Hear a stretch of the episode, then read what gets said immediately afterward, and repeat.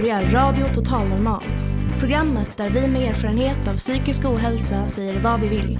Här är alla röster lika värda.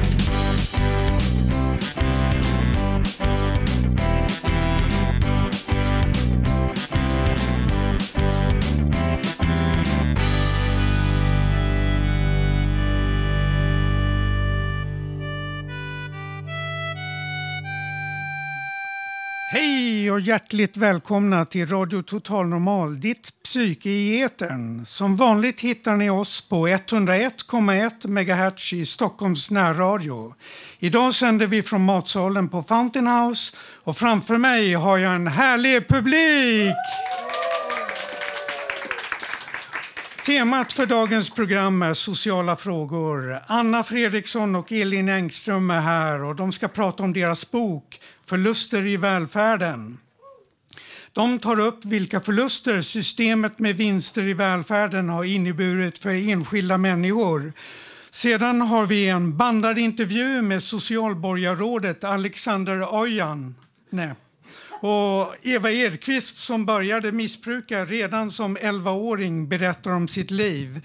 Vi har också en musikgäst här idag, nämligen sing and songwritern Ira Kalima. Och vi bjuder även på personliga berättelser, filosofiska inlägg och annat smått och gott. Så välkommen till dagens program. Och jag som programledare heter Staffan.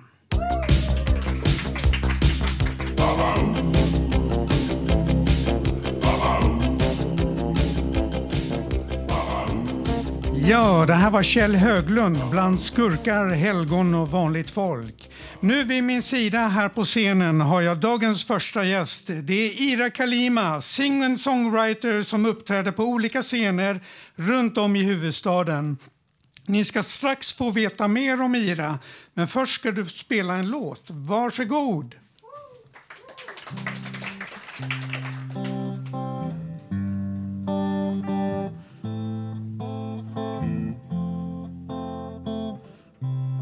Smile just like you used to. You laugh into my hair like you'd always do. Wanna tell you how I've missed you, but I'm scared you won't say you did too. I'm scared you won't say you did too.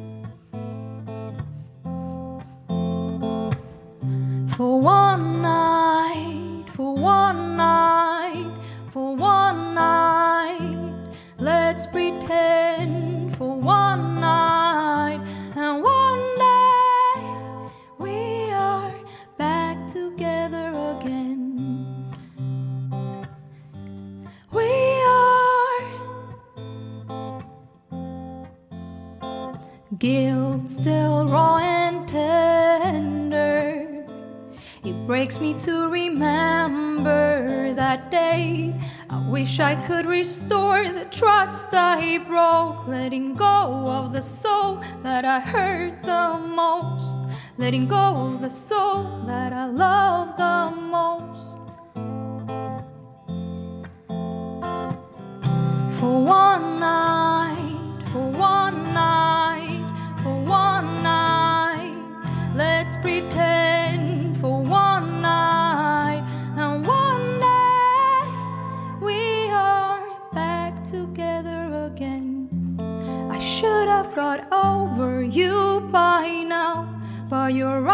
still me every night.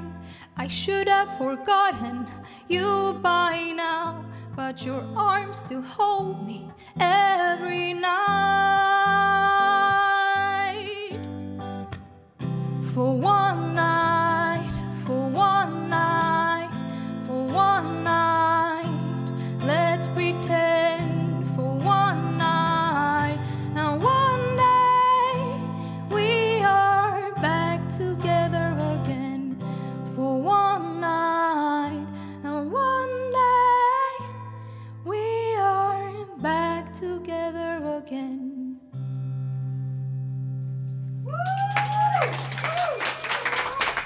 Tack så mycket.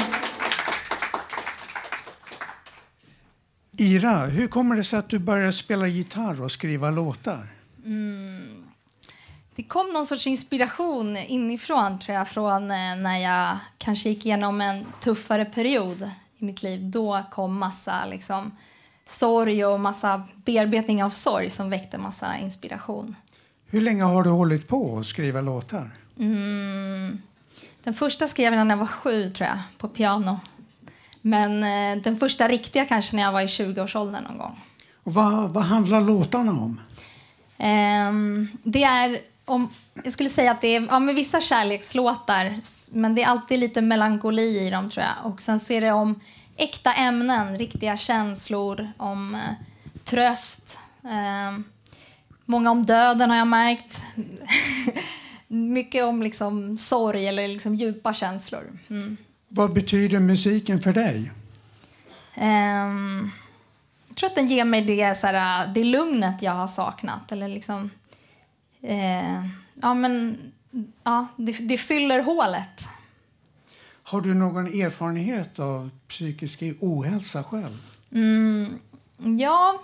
Eh, ja men I mig själv tror jag att eftersom jag är en person med, mycket, med så starka känslor och mycket inre liv så eh, brukar det innebära att man också inte alltid mår bra. Så jag har gått mycket i liksom gruppterapi och, och sådana saker. Men så har jag använt mycket musiken för, för att bearbeta det. Och sen så runt omkring mig har det såklart också varit mycket olika eh, ja, mm. psykisk ohälsa på olika sätt.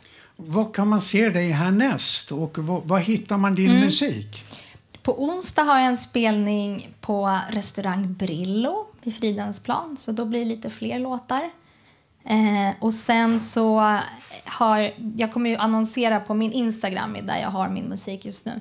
Och där heter jag Ira Kalima. Eh, nu ska du sjunga en låt till. Vad mm. blir det? Eh, det blir en som heter Know My Love och handlar om, eh, om tröst och om att, liksom de här, eh, att vi alla har känt de här djupa känslorna och att vi eh, ja, men alla har begått misstag och så. Mm. Varsågod. Tack.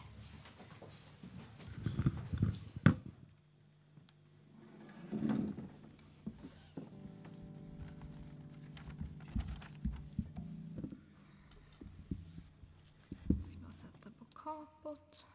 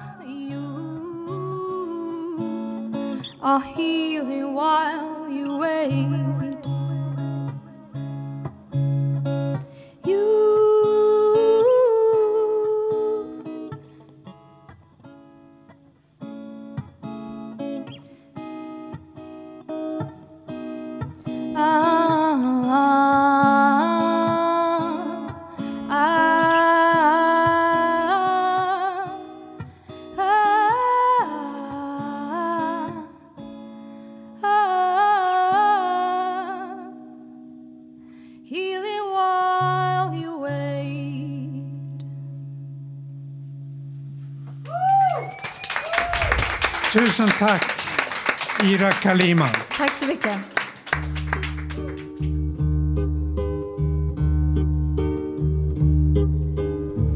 Teddybjörnen Fredriksson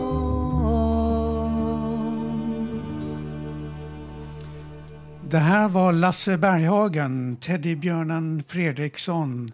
Och Lasse gick bort alldeles nyligen och finns i våra tankar. Anna Fredriksson och Elin Engström har tillsammans skrivit en bok som heter Förluster i välfärden. Och jag lämnar över till min kollega Lilian som ska intervjua dem. Ja, tack så mycket. Eh, jag, har, läst den här boken eh, lite grann och den var väldigt intressant måste jag säga. Eh, varför har ni skrivit den? Ja, Elin heter jag då. Ja. Jo, nej men eh, vi, vi vill bidra med mänskliga exempel ur vardagen. Visa liksom hur människor drabbas av ja, snarare förluster i välfärden när man i, ja, men bidrar till samtalet om vinster i välfärden som ju egentligen har pågått under flera decennier. Mm, absolut. Eh, jag tänker lite grann också att det här med välfärden, eh, det är ju ett ord som vi använder i vardagen hela tiden. Eh, Personligen så tänker jag då på vård, skola, omsorg, det här mantrat som man har hört av politikerna. Vad, hur skulle ni definiera vad välfärd är? Kanske Anna vill svara, eller? Jag tänker att det är ett system som vi tillsammans har byggt upp, eller de som vi har valt att tänka ut system, där, som handlar om hur vi ska ta hand om varandra när vi råkar ut för någonting som vi inte klarar själva. Och då blir det ju, ja, vård, skola, omsorg ingår ju i det. Men för mig ingår det också ja, bostad och att man om man blir av med jobbet så ska man ha en försäkring. Och om man blir sjuk så ska man ha, man ska ha sitt liv liksom tryggat. Mm. det man har kommit överens om att, att vi ska ha gemensamt, att vi finansierar med skatt, våra skattemedel. Så. Precis, det är ju det vi röstar fram, att vi ska kunna få ha den här sociala tryggheten. Ja, eh, ni har ju bägge två bidragit med några ganska personliga upplevelser. Eh, skulle ni vilja berätta lite grann utifrån det, utifrån era er, egna erfarenheter när det gäller den här välfärden som försvann? Eh, Jag har skrivit ett kapitel om min mamma och mig.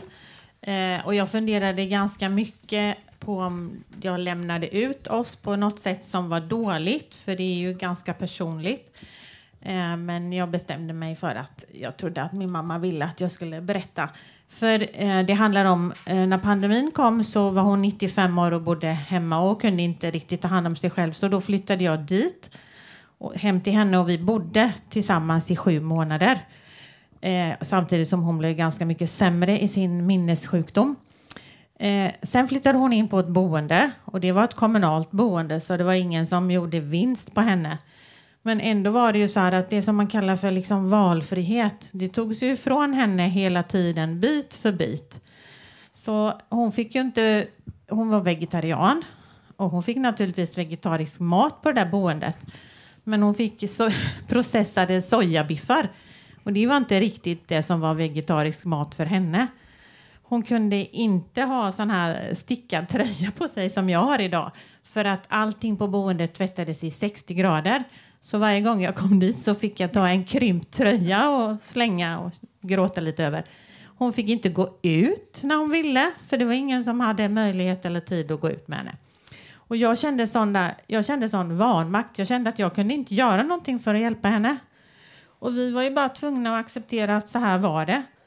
Eh, och då, så är det. Flyttar du in på ett boende så måste du anpassa dig efter det som är där. Och det var så. Men då tycker jag att då ska man inte prata om att när vi blir gamla så ska vi få leva som vi har gjort innan och så. För det är inte sant.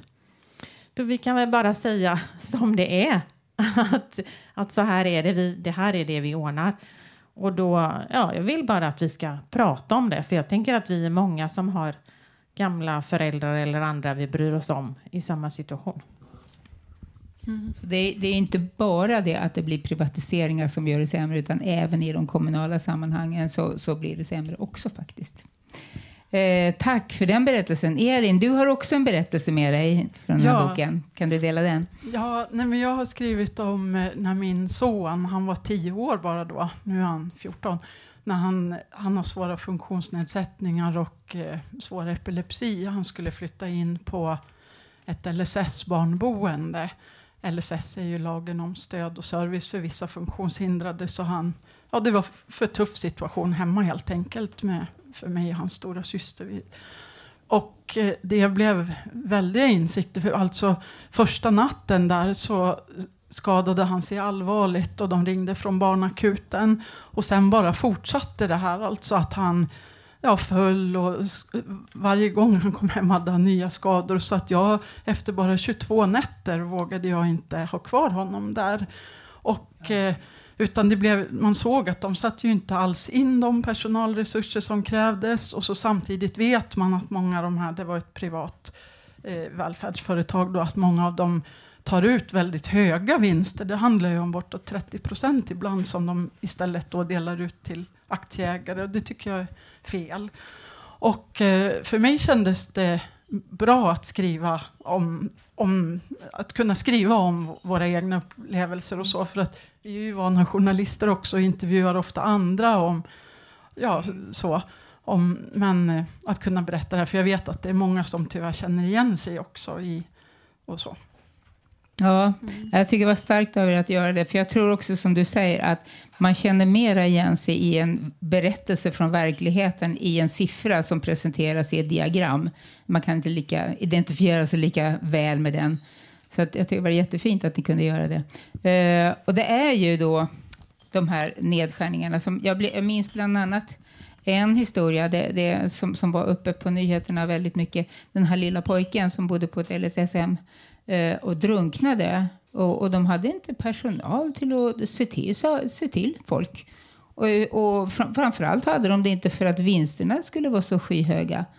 Eh, kan ni berätta lite mer om sådana där saker? Och ge oss lite siffror på hur ser det ut med de där vinsterna egentligen? Alltså, det är ju ändå statliga medel. Ett ett område där man tar ut väldigt höga eh, vinster och har gjort länge, det är ju just när man tar hand om barn och unga som av någon anledning inte kan bo hemma.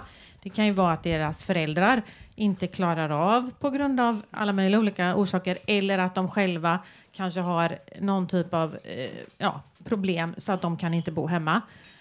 Eh, då just där, det området, man, alltså där brukar man säga att vinsten är 20 procent. Och jag tänker på det här exemplet som du tog där. Eh, de hade en vinst det året på 29 miljoner och det var liksom omsättningen är ju hur mycket de har pengar de har ruljangs eh, som helhet och det var typ 40 procent av, om, av omsättningen gick ju som till vinst. Och då tänker man att då hade de ju kunnat anställa mer personal. De hade Slut. kunnat ha bra grindar så att han inte hade kunnat gå iväg och så. Mm. Så, eh, så, det handlar ju om hur man då väljer att använda pengarna. Och, men man ska också veta att om man har ett aktiebolag Då är det liksom, det står i, nu ska jag driva ett aktiebolag, då står det så här, min uppgift är att generera vinst till de som äger mig. Om jag inte gör det, då, då strider jag ju mot aktiebolagslagen, så därför blir det väldigt, det blir ju väldigt motsägelsefullt om vi väljer att, att det är så vi ska driva verksamhet. Eh, ja, det där kan man tycka jättemycket eh, eh, om hit och dit. Jag, jag, kanske kan säga så här nu i sändning bara som en tanke att det kanske inte är fel att göra vinst om det blir bättre vård. Alltså det är ju det det handlar om. Men det vi ser hela tiden det är ju att vården försämras överallt. Jag menar, hålla på och väga blöjorna för att se hur mycket kiss det fanns i dem, om de kunde använda dem i några timmar till och ligga där i sitt kiss. Alltså det, det, är inte värdigt en vård som, som, vi vill ha här i Sverige, som vi är vana vid dessutom. Eh, vad skulle ni säga var, var de eh, största, de sämsta, de värsta försämringarna i, i välfärden eh, som det ser ut idag? Har ni någon, någonting som något skräckexempel? ja, alltså, men jag, då ska jag säga så här, att den här vi vill ju egentligen inte visa på skräckexempel, för det kommer alltid att finnas både i kommunala och privata verksamheter att någonting går riktigt fel. Utan vi vill ju visa liksom det här smyger sig in i våran vardag. Vi, vi blir vana vid, vi kanske inte ens vet, ja, det här är min vårdcentral. Vem är det som driver den? Är det, är det regionen eller är det något bolag? Jag, jag vet inte, jag går till den här vårdcentralen och jag märker kanske jag märker kanske att ja, men förut, förut kunde jag få en tid, eh, jag ringde på morgonen och fick jag komma på eftermiddagen. Nej, nej, det går inte nu. Alltså sådana små okay. förändringar hela, som hela tiden. Eh, jag kan inte mm. ringa upp min handläggare, jag måste liksom mejla eller jag får inte kontakt med folk. Sådana där små förändringar som smyger sig på hela tiden. Jag vet från vår, vår vårdcentral förut hade vi en röntgen så man bara gick över korridoren där så kunde man få röntga sig. Eh, den är borta. Eh, vi hade en närakut. Äh, den är borta, den har de inte råd med. Jag går hos sjukgymnaster och, och de hade jättefina sjukgymnaster. Alltså de var verkligen duktiga. Eh, de, fick de, nej, de var för dyra. Så de, de, de gjorde de sig av med. Det, de har inte råd med det för det, vinsterna ska hållas till absurdum. Så att, eh, visst, man märker just det här lilla i vardagen hur försämringarna kommer. Och äldre som, som man petar i lugnande istället så man kan lägga dem klockan fem så man kan få lite lugn och ro och dricka kaffe. Nu, oj, nu får vi lite vift här. Eh, att vi inte ska hålla på och prata. Jag ska inte hålla på och prata så mycket utan det var ni. Eh, jag ska fortsätta med, ni, ni har ändå skrivit den här boken och kan ni kan ni på, på något kort sätt säga hur det här, den här nedskärningarna har påverkat psykiatrin? Um, ja, vi, del, vi hör ju från många Eh, patienter i psykiatrin att eh, det finns väldigt få behandlingsalternativ, att det är många som bara erbjuds psykofarmaka eller ingenting. Så. Men vi har också med eh, att det ofta saknas liksom bra alltså metoder för uppföljning som är bra, som visar, hjälper den här vården eller omsorgen, socialpsykiatrin, det, den insats som hjälper det patienten till att må bättre. Mm. Det saknas ju väldigt mycket. Och vi har ett väldigt skrämmande exempel med i boken om en äldre kvinna som eh, bodde ett helt år alltså på ett psykiatriboende. Och där låter det också så här fint i papperna att, att man ska få, att hon skulle få hjälp med gåträning och det, var, det lät jättebra. Men hon blev ju bara sämre och sämre och kraftigt övermedicinerad. Och, hon var nästan nära att dö alltså. Oj, oj. Och, mm. Så att, eh, ja, nej det på många ställen är det stora kvalitetsbrister men att det är klart att det finns positiva exempel också. Ja. Eh, vad vill ni ska hända med den här boken? Hur, hur kan den liksom få genomslagskraft och påverka? Jag tänker att vi ska prata med varann om hur det är och också hur vi vill ha det. Och om vi vill ha det på något annat sätt då får vi ju säga det. Och så får vi liksom säga ifrån. Eh, för att om det här handlar nu om våra gemensamma pengar och det vi har bestämt gemensamt, då ska vi också kunna påverka det. Eh, ja, det, vad kan man göra mer? Nej, skicka böcker, prata, demonstrera, göra sin röst hörd så gott det går. Vi börjar här lite i det lilla i Radio Total Normal och hoppas att det här ska få gå vidare och komma ut i eten på flera andra sätt så att det här kan bli så att det kan hända någonting utifrån det här. Eh, ja, var kan man hitta den här boken? Eh, vi lämnar väl som en. heter då för. Förlusterna i välfärden och den är skriven av, ska se så jag säger rätt, Elin Engström och Anna Fredriksson. Ja, vi lämnar väl en här på Fountain House i alla fall. Och sen kan man gå till sitt bibliotek. Och har de inte den så får man säga så här, ja men då tycker jag du kan köpa in den då. Så kan du säga till när den är här så kommer jag hämta den. Och sen går den att beställa på nätet också, de här vanliga Bokus och ja, Adlibris och så. Och sen i, finns den ute i bokhandeln också. Den är från, utgiven på Verbal förlag. Okej. Ja, jag tackar så hemskt mycket för att ni ville komma hit och berätta om det här och jag önskar er lycka till framöver. Jag hoppas verkligen att det här ska få genomslagskraft. Tack så hemskt mycket. Tack!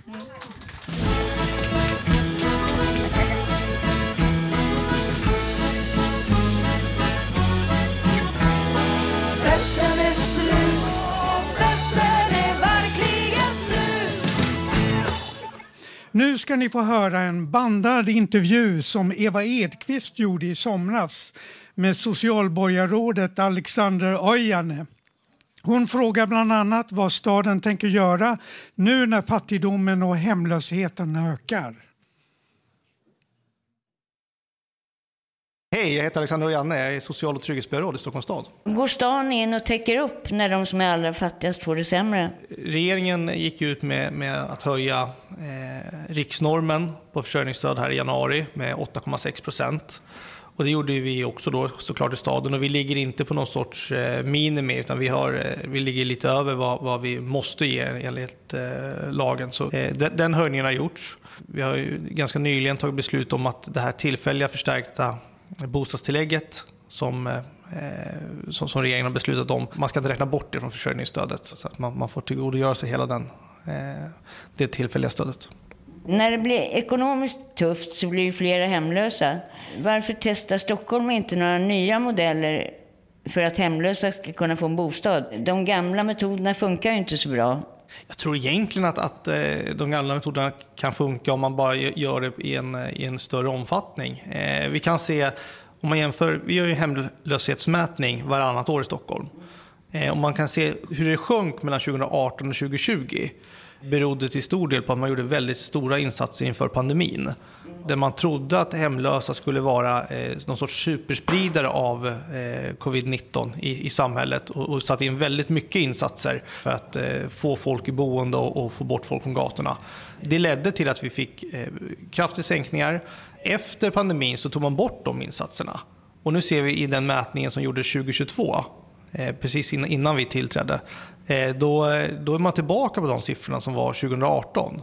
Och därför har vi sagt här nu i budgeten för 2023 att, då ska vi gå tillbaka med de här insatserna som vi hade under pandemin och, och permanenta dem. Så nu går vi in med 10 miljoner till i, i arbetet mot hemlöshet och det handlar om, om eh, fler uppsökare, eh, lotsar emellan eh, eh, och, och vi, vi har en del Eh, en del arbeten på gång. I vårt projekt får personer som har det tufft möjlighet att göra journalistik och få betalt för det som publiceras. Men eh, har de, de kontakt med SOS så tar SOS alla pengarna. I många andra länder finns det ett fribelopp och man får behålla pengarna upp till en viss nivå. Skulle inte Stockholm kunna införa någonting sånt? Vi har väl lite annan lagstiftning än, än vad andra länder har. Vi har ju socialtjänstlagen som eh, säger att man ska eh, uttömma eh, alla resurser man, man, man själv har och, och eh, de, de medel som finns tillgängliga innan man kan få försörjningsstöd. Det finns vissa undantag. Vi har ju den här jobbstimulansen i, i försörjningsstödet. Eh, att 25 procent av det man tjänar inte räknas av i, eh, mot försörjningsstödet. För just för att försöka få, eh, för att fortfarande ha den här moroten att, att eh, ta, ta jobb även som är, eh, som är under försörjningsstödsnivån. Men, men för att man ska få, få en viss marginal att behålla själv också. Ja, eh, vet du hur mycket socialbidrag ligger på nu? Nej, nej jag, jag kan inte den siffran i huvudet. Många som har kontakt med beroendemottagningarna blir väldigt illa behandlade. Om man använder benzo till exempel, vilket många gör mot sin ångest, när man använder det på mottagningarna då skrivs man ut, får inte längre sitt metadon Det är en livsviktig medicin. I andra länder får man mera stöd och åtgärder om man sidomissbrukar ses det som ett tecken på att man inte mår bra. Jag vet att regionen ansvarar för beroendemottagningarna, men pratar ni med varandra? Ja, absolut pratar vi med varandra. Eh, jag var på regionen så sent som igår och pratade, visserligen inte i just den här frågan, men vi har, har eh, god och nära kontakt med varandra hela tiden i, i, i många olika ärenden som rör. Och det är väldigt viktigt att, att eh, försöka se till så att eh, individer inte faller mellan stolarna, mellan kommunen och regionen. Eh, och där, därför, jag välkomnar den här samsjuklighetsutredningen som, som kommer, där, eh, där regionen ska få ta ett mer samlat helhetsgrepp Istället för idag där det är väldigt splittrat på kommun och region. Vilket tyvärr eh, inte alltid har varit det bästa för de som behöver eh, hjälp av samhället. Narkotikadödligheten i Sverige är högst i Europa. Vad beror det på enligt dig?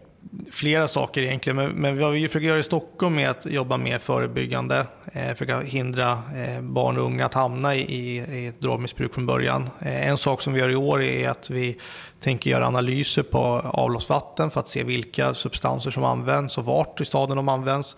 För att kunna ha riktade kampanjer mot eh, föräldrar och skolor. För att, eh, I det här området använder man mycket cannabis till exempel. I det här området så är det mycket, ja, vad, vad, vad vi nu hittar för, för substanser. Utifrån det så ska vi också ihop med polisen kunna, kunna göra insatser. Och allt det här är en del av, av vårt förebyggande arbete. Sen att, att själva missbruksvården inte har funkat så bra. Det, det, jag tror att vi kommer tillbaka till den, det jag var inne på innan här med, med att samsjuklighet har riskerat att man har, har ramlat mellan stolarna på, på kommun och region. Får jag säga en sista fråga då? då? Eh, det finns ju väldigt mycket eh, ställen som står tomma inför eh, så småningom renoveras eller så småningom rivas och så vidare. Vad säger ni om sådana saker då? Varför inte som när jag var ung? Då kunde man få eh, hyra rivningskontrakt kallas det då. Det tycker jag vore någonting som kunde man kanske tänka på nu med. Ja, vi ska använda eh, all, hela bostadsbeståndet så, så, effektivt som möjligt. Sen är, eh, jag tror inte att det är i Stockholms stad vi har särskilt mycket tomma bostadshus som står, utan då, då är det kanske mer i regionen vi pratar om så, som helhet. Det kanske är även kontorshus, men det, alltså, det finns lokaler och jag vet hundratals människor som så gärna skulle få eh, möjligheten att sova inomhus, om det så är på ett stengolv i en lokal. Och, och, och, där har ju vi eh, eh, tak över huvudet-garantin eh, som ser till att alla, alla, ingen ska behöva sova utomhus i alla fall. Den stämmer ju inte i verkligheten. Ja, så är du stockholmare och är här i stan så, så har du tak över huvudet-garantin. Eh, att folk fortfarande eh, sover ute handlar ju om oftast att man är antingen från ett, eh, ett annat land och är här tillfälligt eller att man är från en annan kommun och då är, är det en annan kommuns socialtjänst som, som har, har ansvaret. Jag förstår att, att, att det för gemene man är, är svårt att, att se skillnaden ute på gator och torg på vem, vem som är stockholmare eller inte. Men vi har ett ansvar för, för alla som är medborgare i Stockholms stad och att, att de eh, alla ska ha tak över huvudet. Det är många som faller under stolen, mellan stolarna där i alla fall. Som ni säkert känner till sänder vi från matsalen på Fountain of Stockholm på Götgatan. Det är ett av två fontänhus i Stockholm och det andra fontänhuset finns i Sköndal. Idag har vi dem på besök och de ska berätta om en festival som de ska ha i höst. Välkomna! Tack! Tackar! Vi kommer som sagt från fontänhuset Sköndal som ligger ungefär 6 kilometer från det här huset, söder om Söder. Jag heter Nathanael. Jag heter Mats. Och vi har också med oss Raiko här i publiken från vårt hus. Vi vill berätta om en festival som vi kommer ha den 11 november. Stämmer. Och vad heter festivalen Mats? Den heter Eld upphör eller psykbryt. Ja, det är en fredsivrande, fredsälskande festival för personer med psykisk ohälsa för att ge plats, ungefär som den här radiostationen är. Mycket bra.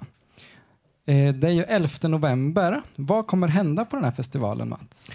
Det kommer hända ganska mycket. Det är, eh, vi kommer ju ha mat och dryck. Vi kommer ha karaoke. Vi kommer ha livemusik. Vi kommer ha yoga, jonglering, eh, liveorkester, karaoke, rundvandring, lekar och sen vinterbad. Och det börjar klockan 22 på kvällen. Vinterbadet är klockan 22. Det låter som att det här kan ta ett tag. Vilka tider håller festivalen på? Det börjar klockan 11 till 23. Vad roligt. Men det måste vara ganska dyrt att delta va? Nej, det är gratis. Och eh, det finns någon åldersgräns eller? Nej, ingen åldersgräns. Vad roligt, så man får ta med hela familjen? Ja, man får ta med sig vänner, familjemedlemmar, kompisar. Kommer det finnas mat och dryck där att köpa eller få? Det får man. Det Fy vad roligt. Eh, är det så att det händer saker på scen hela dagen eller är det uppdelat på tider? Ja, vi har ett scenprogram mellan klockan 3 till eh, klockan 21. Ja, så om någon till exempel härifrån skulle vilja komma och spela på våran scen så är det mellan 15 och 21. Och om man vill ha en fast tid innan så kan man höra av sig till oss på info.fhskondal.se eller så kan man bara dyka upp och få en plats på den öppna scenen som är under hela den tiden. Så vad händer mellan 11 och 15 och efter 21 då? 11 och 15 är ju lite andra saker som du berättade om. Ja, det är ju lite av varje. Det, det, man kan vara med på precis vad man vill. Det, det är bara att hoppa in. Det är spex och ja, allt möjligt. Massa sen, roliga- man, sen kan man komma när man vill och man får gå när man vill. Så det är bara att droppa in från klockan 11. Strålande. Och evenemanget är nyktert och drogfritt. Ja. Finns det något mer vi vill säga om det här? Nej, ingenting som jag kan komma på. Jag tror jag har fått fram det mesta. Alla är välkomna. Helt Ja. gratis 11 timmars fredsfestival för Mm. psykisk hälsa. Ja. Tack. Det-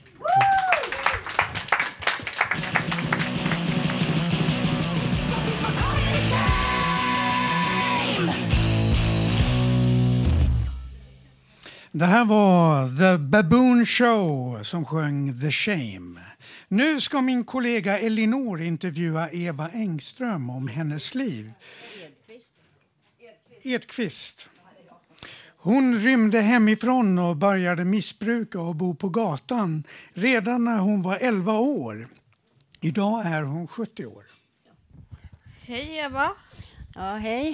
Hur kom det sig att hur kom du in i missbruket? Varför började du? Ja, jag var väl ganska vild och tokig redan från start. Eh, jag vet, jag fick gå upp ytterdörren första gången jag var tre år och då drog jag ner till Humlegården för att leka bara. De trodde jag försökte rymma eller något, inte vet jag. Men eh, det var inte så alls det var tänkt. så jag tyckte väl att det var spännande, kul och, och sen först visade sig de svarta sidorna. Det kom ju senare. Hur påverkade det ditt liv? Ja, ganska mycket måste jag säga. Det, ja, det um, gjorde att jag skötte inte skolan eh, som jag skulle eh, och inte jobba, jobbat så mycket eh, vitt i alla fall. Jag jobbade en del svart, en hel del svart, men inte så mycket vitt. Men eh, ja, och enligt andra så har jag väl gjort ett helt misslyckat liv, men jag själv är ganska nöjd med mitt liv ändå. Hur kom du ur? Ja, det är en process som väl eh, håller på fortfarande, antar jag. Eh, jag ehm, försökte i många år själv först. Jag började med hasch, sen gick jag över till tjack, amfetamin alltså, och sen till heroin. Plus att jag kikade piller hela tiden från det jag var 11. Och drack väldigt mycket alkohol då. Jag sa alltid att jag var 15 från när jag var 11 och så la jag på fyra år. För det var ingen roligt att vara 11-åring. Det var ingen som var, intresserad om man inte var 15. ja, så att... Ehm, men... Eh, ja, eh, vad ska jag säga? När jag började närma mig 40 började jag väl bli någorlunda vuxen. Och eh, började försöka ta mig ur och lugna ner mig, sansa ner mig framförallt. Eh, och kämpade i flera flertal år, 10-15 år kanske. Jag och mitt ex då kämpade båda två och försöka lägga av med heroinet själva. Vi trodde vi skulle kira det, men det är någonting som är nästan omöjligt. Hur är bemötandet av samhället? Finns det stigma? Ja, ehm, det... Stigma är lite svårt ord för mig där, men det är ena jävla fördomar i alla fall. Man För- behöver- man- fördomar? Ja, fullt med fördomar. Man behöver bara visa, säga sitt personnummer så kommer man sist i kön, eller så lägger de på. Och ehm, ja, så är det hela ens liv. Allting, sist i kön, sist i kön eller ut härifrån. Eh, missbruksvården, vad tycker du om den? Ja, vad ska jag säga? Jag fick ju hjälp genom att när jag väl eh, insåg att jag inte skulle, jag inte skulle klara det själv. Eh, min morsa dog 2006 tror jag. Och eh, då eh, firade vi lite då, då för jag fick ett arv och vi åkte, passade på att åka till Thailand och köpte båt och ville köpa hus långt från Stockholm så vi skulle kunna lägga av så. Men det blev inte riktigt så. Men eh, direkt när vi kom från Thailand så dagen efter så gick jag in eh, till SOS i Farsta och frågade hur gör jag för att få komma in på metadonteamet? Då fanns det någonting som hette Laro som var väldigt bra.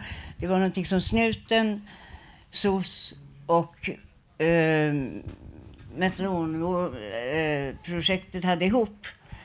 Eh, de plockade dels upp sådana som var helt slut och färdiga och halvdöda på stan. Satte in dem på avgiftning och sen ledde de in på eh, avtändning och eh, satte in dem på vård istället på metadon eller Subutex. Och så. Men eh, jag hade turen för det var precis i, på upphällningen där då, då. Och jag hade fått telefonnumret till den där. Jag ringer honom och säger att jag måste in idag. Först sa de till, på mig till soc att du, tror, tror du kan komma här och ha krav? Nej, det går inte. Så går det inte. Jag har inte haft med er att göra på väldigt länge, så jag. Men när jag hade med SOS att göra så fanns det något som hette missbruksenheten och dit hörde jag då. Finns det kvar, sa jag. Ja, ja, men det spelar ingen roll. Du får inte komma in där heller. Nähä, sa jag. Men kan du tala om för mig var det ligger i alla fall då, sa jag. Så jag kan få frågan själv. Ja, till slut så fick jag veta var det låg då. Hon sa det kommer ta minst tre månader innan du ens får en assistent. Så men jag har, jag har metadon som jag har köpt i Thailand kvar eh, till tre dagar. Sen blev jag så sjuk så klarade klarar inte av någonting. Så då måste jag antingen börja med heroin igen eller också så kört. Ja. Eh, så att eh, eh hon sa det tar minst tre veckor innan du får en chans att prata med någon ens en gång och en assistent. Och så gick jag då till det där stället där de hade eh, det som hörde till missbruksenheten. Och det tog det fem minuter så hade jag en assistent. Och så sa jag, pratade om det här, eh, vad det nu hette, och eh, fick till hans telefonnummer, privattelefonnummer med den här polisen som var inblandad. Och så, så bestämde jag träff, trodde jag, med honom någon dag senare, dagen efter.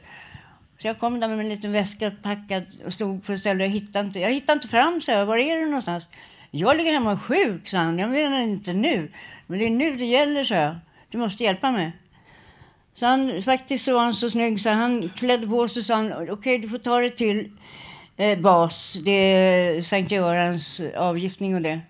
Du får ta det dit så ska jag lotsa in det. Det kallades lotsa in det när det var genom dem och då kom han in direkt. Ja, så jag tog mig dit. Han eh, jättesjuk ledde in och sa jag måste lotsa in henne, hej då. så gick han. Och eh, så började jag med metadon och det här var 2008. Och eh, okej, jag har haft återfall men eh, eh, jag har inte tagit heroin på länge i alla fall och jag tar piller fortfarande naturligtvis eftersom jag är, är väldigt beroende av det. Och, eh, men jag tar bara så lite så att jag kan överleva och fungera. Har du något råd att ge till en ung människa? Börja inte. Lyssna på oss gamla idioter som har förstört det mesta av våra liv. Hur går det med ekonomin? Hur försörjer man sig? Ja, det, när man är aktiv narkoman då finns det tre sätt att försörja sig. Det är antingen eh, sälja knark, stjäla eller gå på gatan. Det är om man inte har mycket pengar alltså, och det är inte så många som har det. Och det finns ju väldigt många eh, smygnarkomaner eller vad man ska säga som har sina jobb, sköter det har så pass bra lön så att de kan knarka utan att folk märker det. För man, det märks inte att man har knarkat när man har. Det märks när man inte har. Det är då det märks. Så har man bara pengar så kan man hålla på hur länge som helst utan att det märks. Legalisering av droger, hur ser du på det? Ja, eh, hon försökte säga något där. Ja, ja eh, jo, eh, vad jag ser på det? Jo, eh, jag tycker så här att när man är så gammal som jag, 70 år till exempel, hållit på med, med b- bens som är mycket stark, det var ju mycket starkare då när jag började. Det fanns ju eh, ja, piller som inte alls finns i dagens läge. Eh, har man hållit på så länge och varit beroende av piller för att kunna fungera överhuvudtaget så skulle det ju vara till en väldig hjälp för att man kunna, ska kunna leva ett normalt liv med en legal liten dos eh, kontrollerad av läkarna, via läkarna. Så att det liksom inte blev ett missbruk på samma sätt utan då blir det ett bruk. Okej, tack så mycket Ja. Eva.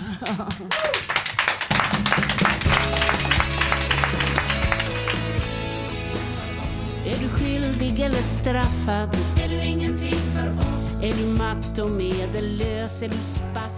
Det här var Kristina Kjellson som sjöng Du är ingenting för oss. Nu har äntligen Kristina kommit upp på scenen och du ska spela piano för oss men först ska du läsa upp något. Varsågod. Ja, hej. Eh, jag tänkte, jag, jag skulle egentligen prata om sociala frågor, om liksom hur jobbigt det är när man är 11 år och, en, och man håller på att växer upp liksom. Och eh, eh, varken skola eller någonting funkar som det ska och sådär. Annars så... Men jag tänkte, jag tyckte det blev så jobbigt så att jag, jag eh, spelar piano. Jag spelar Robson of the Sidan, andra satsen.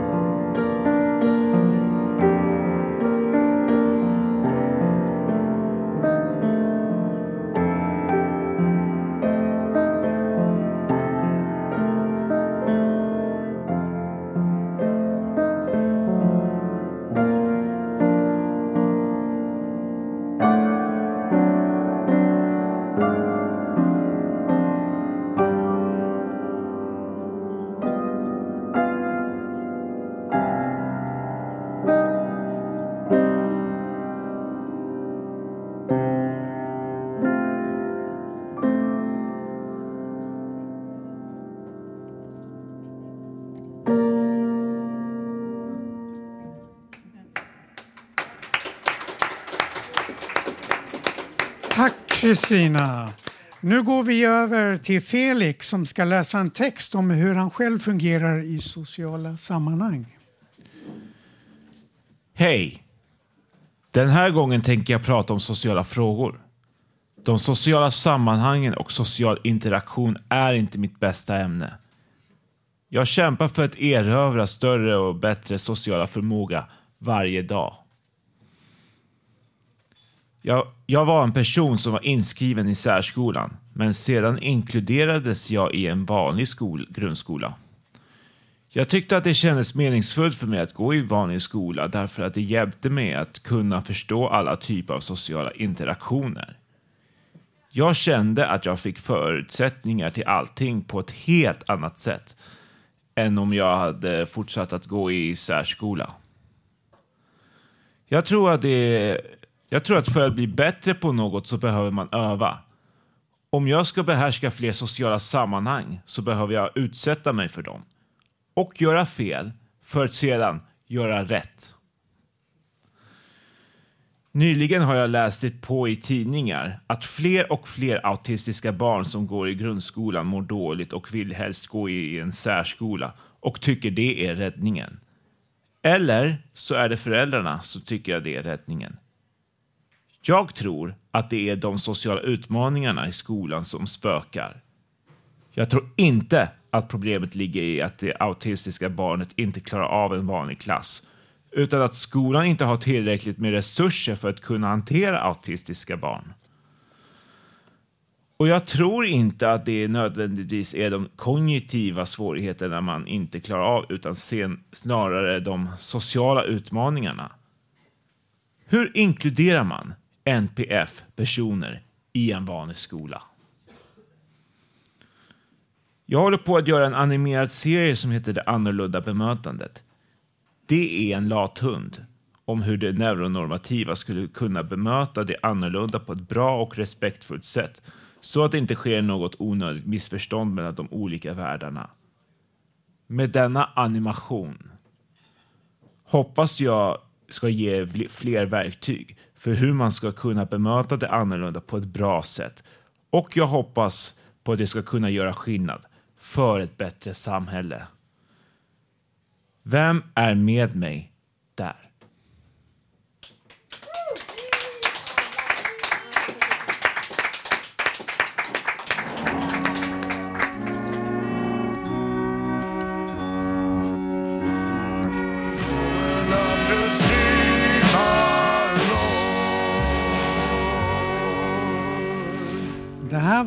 Tom Waits som sjöng Take care of all my children. Vid min sida nu på scenen har jag en riktig allkonstnär, nämligen Stefan Persson. Och han har bland annat gjort film med sig själv i alla roller och sjungit och spelat för oss här på radion. Vad blir det idag, Stefan? Idag blir det en dikt som heter Det är så jävla hårt. Ja. Ja. Funkar micken? Ja. Ja, okej. Okay. Ja, okej. Okay. Eh, den går så här. Här, här, har jag gått, här har jag gått sedan jag var fyra år och inte hade något hår. Samma kalla mentalitet. Och hur det ska gå är det ingen som vet. Det är så jävla hårt, det är så jävla aggressivt, det är så jävla brutalt, det är så jävla hårt. Hårda snubbar utan något hår. Skräcken på tv sen flera år. Jag söker något annat, vad kan jag få? När allt är så förbannat så jävla svårt. Det är så jävla hårt, det är så jävla aggressivt, det är så jävla brutalt. Det är så jävla hårt. Ja, tack. Tack.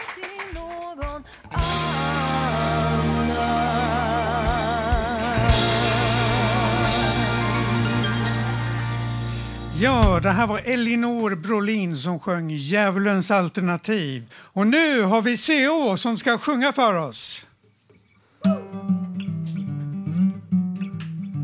Äh.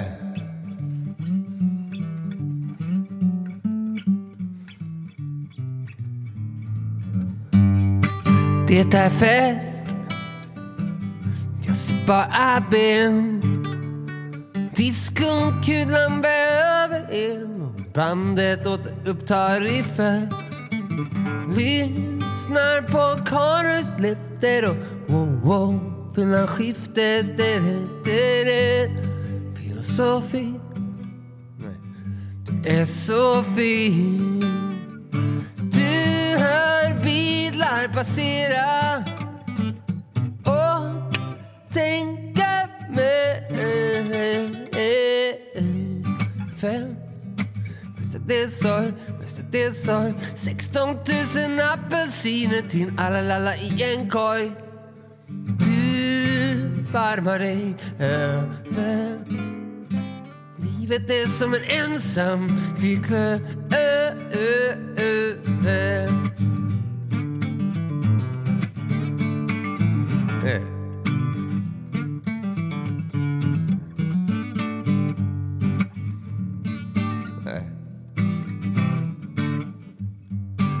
Tråden.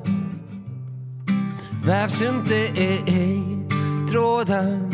Vävs runt dig och mig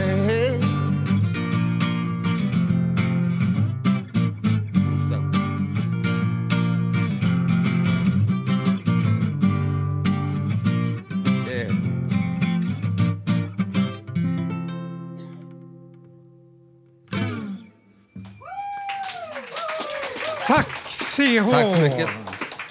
Det här var allt vi hade att bjuda på idag. Tack alla som lyssnat och tack till alla våra gäster. Det var Anna Fredriksson och Elin Engström, Ira Kalima, Eva Eng Edqvist och Alexandra Ojanne. Eh, nästa livesändning blir den 9 november. Under tiden kan du alltid lyssna på oss via www.radiototalnormal.se. Där finns alla våra program samlade. Du kan också lyssna på oss där poddar finns. Vill du vara med i programmet kan du höra av dig till info radiototalnormal.se eller komma till våra redaktionsmöten på måndagar klockan 11 på Fountain House Götgatan 38. Du hittar oss även på sociala medier. Radio Total Normal drivs av mediahuset Fanzingo med stöd från Socialstyrelsen, Fountain House Stockholm och ABF. Och slutligen, tekniker var Johan Hörnqvist. Producent Malin Jakobsson och jag som var dagens programledare heter Staffan. Tack för att ni har lyssnat!